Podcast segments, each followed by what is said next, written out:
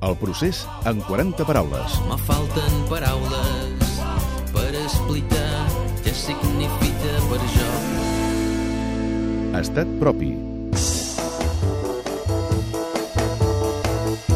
Estat propi és una expressió difosa amb èxit per Convergència i Artur Mas el 2012 i van veure un avantatge semàntic que la podia fer àmpliament acceptada.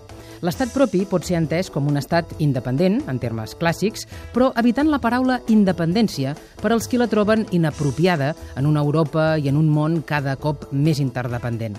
Però l'estat propi també pot ser un ens autònom amb capacitat per decidir formar part d'un estat federal o confederal. Això va permetre que també els confederalistes d'Unió i d'Iniciativa fessin servir el concepte d'estat propi.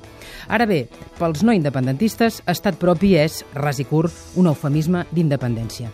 Curiosament, tant estat propi com les seves cosines germanes, estructures d'estat o transició nacional, són conceptes que va teoritzar algú que no ve de l'independentisme. El copyright de tot aquest camp semàntic és d'un il·lustre ex-PSC, Ferran Mascarell.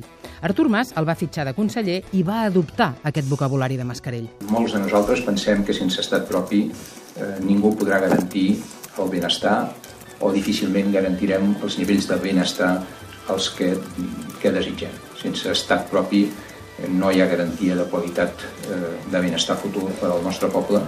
Mascarell va escriure el 2011 el llibre Catalanisme deucentista, a la recerca d'un estat eficient. Dos fragments. Crec que la sentència de l'Estatut modificarà el catalanisme. Per primera vegada en la seva història serà estatista. I una altra frase a resum. Si tots els països necessiten un estat i nosaltres no el podem compartir, ho sento molt, aquest estat ens l'hem d'inventar.